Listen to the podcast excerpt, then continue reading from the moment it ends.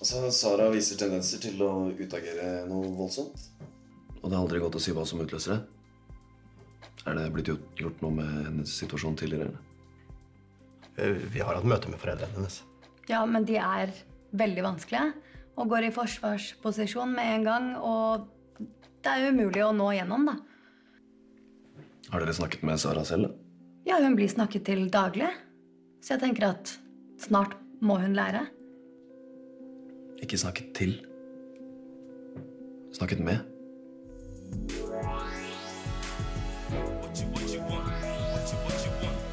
Hei, jeg heter Lisbeth Storvik Jacobsen, og den scenen vi nettopp hørte, den er hentet fra e-læringskurset som handler om plikten til å undersøke bekymringer om skolemiljøet til en elev. Er det sånn at vi ofte snakker til barn istedenfor å snakke med dem? I dag har jeg fått besøk av to engasjerte mobbeombud. Disse to har lang og bred erfaring i å snakke med barn om vanskelige temaer. Velkommen, Beate Mellemsæter, mobbeombud for barnehager og grunnskoler i Østfold. Tusen takk. Og velkommen til deg, Janne Myrås, mobbeombud for barnehager og skoler i Akershus. Tusen takk. Jeg har jo forstått at fra 2020 så fortsetter dere som ombud inn i nye Viken fylkeskommune. Men for at vi skal bli litt mer kjent med dere, kan ikke dere veldig kort fortelle hvilken bakgrunn dere har? Jeg har bakgrunn fra pedagogikkens verden. Jeg er også lederutdannet og har en coachutdanning. Av eh, arbeidserfaring så har jeg tidligere jobbet i barnevernstjenesten. Jeg har vært i barnehagen og gjort alle krumspring man kan gjøre der. Fra, fra å jobbe på avdeling til overordna nivå. Videre har jeg vært i skolen og hatt eh, ulike roller som eh, lærer, miljøterapeut, sosiallærer, AS-rektor. Og jeg har vært på voksenopplæring og vært i oppfølgingstiltak. Eh, Så begynte jeg som mobbeombud for grunnskoler og barnehager i Østfold i fjor, 10.9. Spennende. Og Janne? Ja, jeg har en barnevernfaglig utdanning. Eh, Jeg har også jobba i barnehage med barn som har hatt behov for tilrettelegging. Jeg har vært eh, miljøterapeut på skole. Jobba flere år et, på et barne- og ungdomshjem. Eh, Og kanskje sånn ca. 20 år eh, som saksbehandler i barnevernstjenesten. Og nå er jeg elev Nei, først så var jeg elev, lærling og mobbeombud for de videregående skolene, og nå er jeg mobbeombud for barnehager og grunnskoler i Akershus. Og i tillegg til det så tar jeg oppdrag for eh, tingrett og fylkesnemnd som barnets talsperson. Så da er jeg ute og snakker med barn på oppdrag fra dommeren. Ja, se der, ja. Da skjønner jeg jo det at dere har virkelig snakka mye med barn. Så nå er jeg spent på å høre hva dere kan dele med oss. Men du Beate, er det vanskelig å snakke med barn på en god måte? Eh, For enkelte så kan det oppleves vanskelig. Eh, Når man kan ting, så er jo ting enkelt. Så når man er blitt god til å snakke med barn, så er det veldig greit å snakke med barn. Hvis man eh, opplever at det er vanskelig, så kan det være litt kronglete å komme i gang. Men øvelse gjør mester, og det er vel det vi skal prøve å dele litt med vår kompetanse og erfaring her i dag. Ja, ikke sant. Men eh, som mobbeombud, når eh, er det dere pleier å komme på banen? Ofte får jo vi sakene når, eh, når det har låst seg fast litt. eh, Når hjem og skole kanskje ikke samarbeider så greit lenger. eh, Og når de føler at nå, nå trenger vi noen utenfra til å se på saken. Hvem er det som kontakter dere da? Er det foreldrene, eller er det skolen, barnehagen, eller I all hovedsak så er det vel foreldre som tar kontakt. Men vi får også mange henvendelser fra skolen og barnehagen direkte. Ja. Og er det ofte da fordi at de syns at det her er vanskelig å ta tak i? Ja, nå er det jo disse mobbesakene som vi jobber med, da. Eh, og de er jo vanskelig, for de er så veldig komplekse. Eh, og det er vanskelig å eh, kanskje skjønne helt hva som skjer, skjønne de psykologiske mekanismene. Og da er det godt å få inn noen utenfra til å se på det. Ja. Altså det å snakke med både barn og foreldre utgjør en viktig del av å undersøke om barnet faktisk har et trygt og godt leke- og læringsmiljø. Formålet med en sånn eh, undersøkelse eller en samtale, det er jo nettopp at vi skal høre barnets stemme og dokumentere dette. Barnas rett til å bli hørt er nedfelt i både Grunnloven og Barnekonvensjonen, og begge er jo overordnet både opplæringsloven og barnehageloven. Og det betyr jo at vi kan ikke la være å forholde oss til dette. Hvordan er det der ute, da? Vi ser at eh, skolene og barnehagene de har gjort en jobb. Eh, noen virksomheter er gode, de har gjort en god jobb. Eh, en del virksomheter har gjort en litt mangelfull jobb. De sier at vi har snakket med barnet, og, men det dokumenteres ikke presist ned i aktivitetsplanen. Nei. Så hva sier barnet helt konkret, og er det den voksnes tolkning av hva barnet har sagt, eller er det nettopp barnets opplevelse som blir dokumentert? Det ser vi at virksomhetene kan bli bedre på. Ja, riktig. Og dere er jo proffer på, på det her.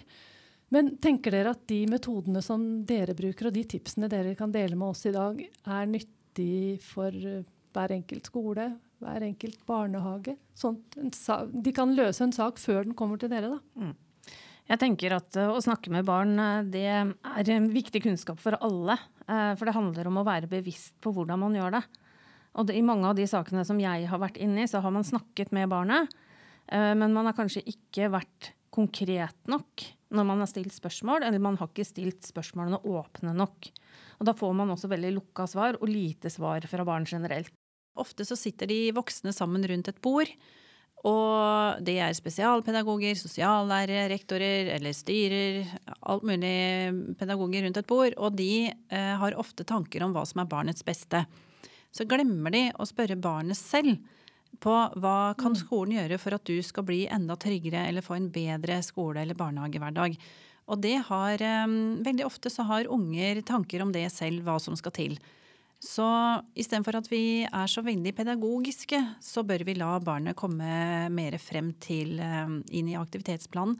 Sånn at uh, finne ut av hva er det vi trenger å gjøre for dette barnet. Så Martin i innledningen her, han hadde et poeng når ja. han sier ikke snakket til, men snakket med. Det er så viktig. Det er absolutt så viktig.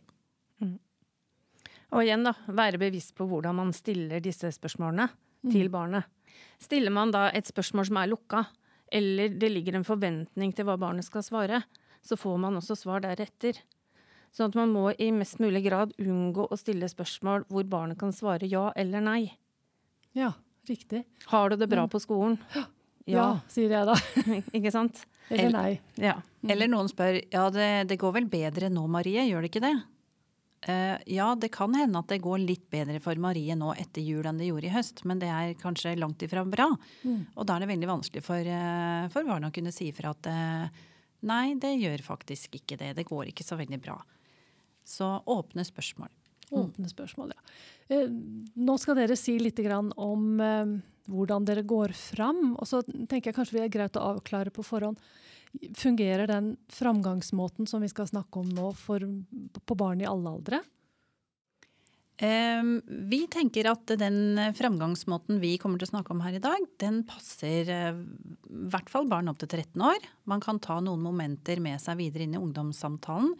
Ungdommere er uh, større, så de trenger kanskje en litt annen spørsmålsformulering. Eh, men absolutt så kan man plukke momenter ut ifra denne samtalen. Men først og fremst så er den nok basert på barn opp til sånn ca. 13 år. Ja, Og fra barnehage Fra førskolealder. Fra førskolealder. Ja. Hmm. Hva bør man være bevisst på i forkant av en samtale om et vanskelig tema? Jeg tenker det er veldig viktig å legge til rette for en god fysisk ramme. Man bør ikke finne det trangeste, mørkeste rommet, kanskje liksom nesten et kott uten vindu, det er ikke greit. Så man finner et, eh, et rom som er eh, lyst og trivelig, eh, godt utlufta, som er litt skjerma for, for, innsyn for andre elever, unger, sånn at det går an å sitte der i litt sånn fred og ro. Um, å være litt på tilbudssida med kanskje litt uh, å drikke og noe å spise, det, noe kjeks eller frukt eller noe sånt, det kan også være med på å lage en litt sånn ok ramme rundt en samtale. Uh, tegnesaker, uh, andre aktivitetsmateriell er greit. Man trenger ikke å sitte og se hverandre dypt i øynene hvis barn opplever det som veldig vanskelig. Så at man kan gjøre ting eller se ut eh, av vinduet sammen, eller man trenger ikke veldig øyekontakt gjennom hele samtalen hvis det oppleves ubehagelig for barnet. Så det å gjøre noe og prate sammen, det er veldig greit. Spesielt for førskolebarn. De syns at sånn intervju det er veldig ubehagelig, så, så der kan man heller gjøre noe. Og så kan man De holder konsentrasjonen oppe litt sånn bolkevis, så når de faller ut, så kan man eh, holde på litt med de klossene eller legoen eller hva det er. Og så kan man komme inn i samtalen igjen, sånn at man dreier den inn.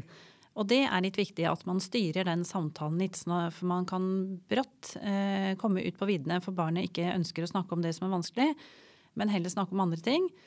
Så da er det viktig at vi har regien gjennom samtalen på en god, empatisk, omsorgsfull måte. Da har vi på en måte fått de litt fysiske rammene på plass, da. Men eh, bruker dere tid på å forberede barnet til samtalen? Det varierer jo ut ifra alvorligheten, kanskje, i samtalen. Men at barna er eh, kjent på forhånd med at man skal snakke med en voksen, det tror jeg er veldig viktig. Ehm, Det kan også være viktig at barnet vet at foreldrene er klar over at man er til samtale. Sånn at man ikke går og lurer på om vet mamma det, er det greit for mamma at jeg prater? Sånn at ting, ting er avklart så godt som mulig, da. Eh, Ut ifra loven så har barn rett til å bli hørt i sakene sine, så man trenger ikke å innhente noe foreldregodkjenning på forhånd, eller foreldrene trenger heller ikke å måtte være til stede. Det har eh, skolen og barnehagen rett til å gjøre. Så får man se hvor vanskelig det er for barn, om det er hensiktsmessig å ha med foreldrene i en samtale, eller om det kanskje er best eh, at man ikke har det. Og den som skal ha samtalen, det er heller ikke profesjonsavhengig. Det kan være en assistent med mange års eh, erfaring og som har gode egenskaper i forhold til barnesamtalen, som kan gjennomføre den. Eh, Ansvaret ligger hos skole- og barnehageleder, men det går an å delegere i forhold til hva som er barnets beste ut ifra relasjonen for å få fram eh, sannheten og mest mulig informasjon i samtalen. Mm. Selve samtalen, det er kanskje noe av det, det man kvier seg mest på, hva som kan komme fram, og hvordan man, man som voksen skal håndtere det. Hvilke råd har dere til selve samtalen, da? Jeg pleier alltid å avklare med barnet hvorfor vi er her. Sånn at barnet vet hva er det som er tema for samtalen i dag. Det er alltid viktig. Så snakker jeg alltid om at det er viktig at vi snakker sant til hverandre, og at jeg tror på det barn forteller. Så derfor er det viktig at det de forteller til meg, det er, det er sant. Um, det er viktig å være ærlige. Og så gå gjennom det der med at det, er greit å be om en pause. Det er helt greit å si 'dette har jeg ikke lyst til å snakke om', eller 'dette syns jeg er vanskelig å snakke om'. Sånn at barnet føler at den har en viss kontroll da, på den samtalen som vi skal ha. Vi skal aldri presse barnet til å måtte uttrykke seg. Så hvis vi ser at dette her blir for vanskelig, så, så må vi kanskje stille noen enklere spørsmål. Og i hvert fall ikke dra spiralen og barnet helt ned, langt ned i grøten som vanskelig. Da får vi komme med noen lettere spørsmål som er litt enklere å svare på, sånn at man kan liksom få trukket barnet litt sånn opp igjen. Eh, Det, det er veldig viktig. Men um, hva fungerer best her? Lager dere, eller har dere tenkt gjennom en masse spørsmål som dere stiller?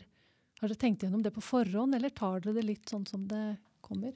Eh, Det er veldig lurt å reflektere på forhånd. Hva er det jeg vil undersøke i denne saken her? Eh, Lage seg noen åpne spørsmål. Eh, Være reflektert på når man skriver ned noen hjelpespørsmål på at eh, ok, her kan ikke ungen svare ja eller nei. Her må det på et vis uttrykke seg. Det er lurt. Eh, Samtidig så må man ikke være for bundet opp av disse spørsmålene, sånn at det blir et sånn nesten check-off-liste.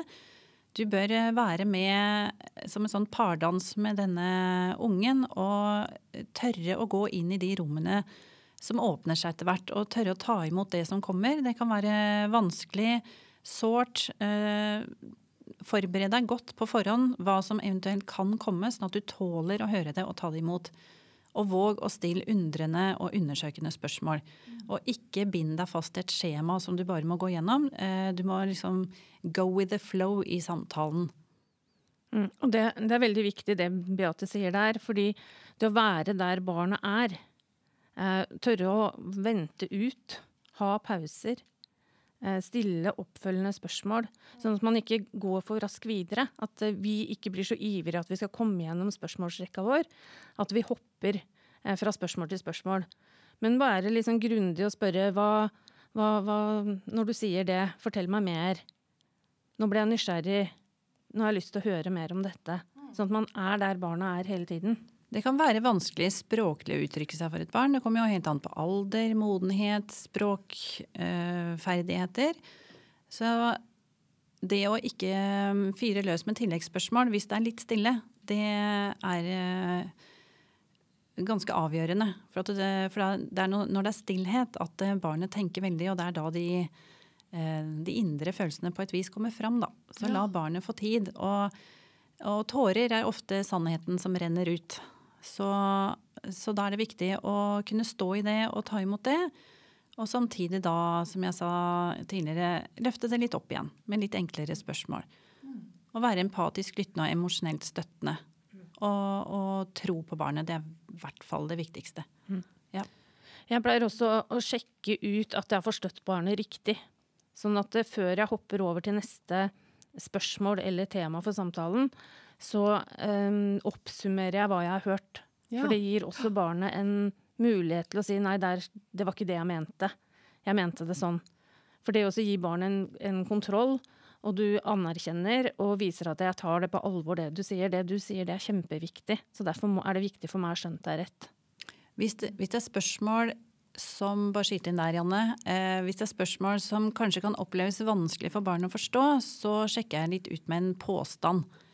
Eh, OK, så da, Janne, forstår jeg at du engster deg for, eller er redd for, eller at du kommer med en påstand og sjekker ut det. Eh, har jeg forstått deg riktig da? Og da kan eh, barnet korrigere med å si nei, nei, nei, det er, ikke, det er ikke sånn jeg mente. Og da forstår de spørsmålet bedre. Eller de sier at ja, ja, sånn er det. Mm. Så det å også utfordre de med påstander hvis de ikke på et vis klarer å håndtere spørsmålet, da.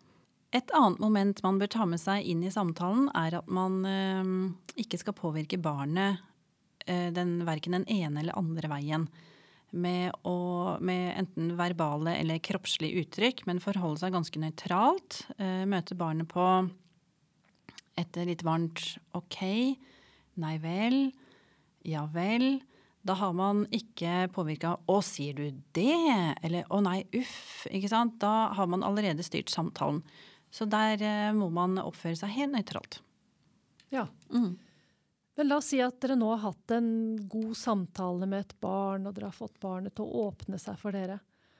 Hva er viktig å huske på da før man avslutter å sende barnet ut av rommet igjen?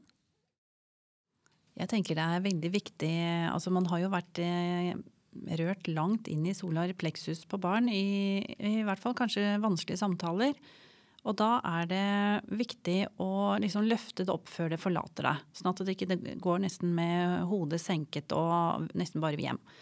Så jeg roser alltid ungen. Det kommer litt an på hvilken alder dette barnet har. Men det å trekke fram eh, gode egenskaper på at eh, dette skjønner jeg har vært så vanskelig for deg. og Jeg er så imponert over at du har klart å svare så godt for deg. Eller i dag har jeg faktisk lært noe nytt av deg. Husker du vi snakket om Og så går du tilbake og refererer. Det skal jeg virkelig ta med meg videre i min jobb. Der lærte du meg noe nytt. Eh, så det å rose, eller, eller for tiltakene det har kommet med, at det, de tiltakene som du har skissert eller kommet fram til, hadde jeg aldri klart å tenke. Det var, det var veldig lurt. At du liksom løfter det litt opp. Og gir barnet ros før det går. Og, ja, og prater det litt opp, da. Og så pleier jeg også å avslutte med å hjelpe det tilbake eh, til hverdagen. Eh, så jeg begynner å snakke altså Når vi føler at nå har vi avsluttet, så spør jeg alltid sånn Ja, og hva, hva skjer resten av dagen? Hva skal du nå? Sånn at barna barnet også har kommet litt sånn tilbake og er litt på plass før det går ut og forlater oss, og er på plass ut i skolehverdagen igjen. Um, man kan jo si eksempel Takk for at du har vært så ærlig. Dette forstår jeg har vært veldig vanskelig for deg å svare på, og jeg er så takknemlig for at du fikk det til. Eller Du er et flott barn med utrolig mange gode egenskaper og verdier som Og så oppsummerer du noen av de. Sånn at det virkelig føler seg liksom Nå har det ordentlig mestret, uten at vi skal på et vis eh, evaluere presteringen av samtalen. Det skal vi aldri gjøre. Men vi skal rose det for det det har fått til. Mm. Det var kloke ord. Eh, tida vår begynner å renne litt ut. Er det noe, dere, noe mer dere tenker at dere ikke har sagt noe om? Jeg tenker at alle eh, kan få til gode samtaler med barn. Og det handler om å være bevisste når vi eh, vil, vil, ha tak i noe eksakt, da. For det handler om eh, å stille de gode spørsmålene som er åpne, og som gir barn muligheten til å fortelle. Ja, man må også være bevisst på at når man har hatt en god samtale det, ikke, altså En god samtale varer ikke én time med et barn.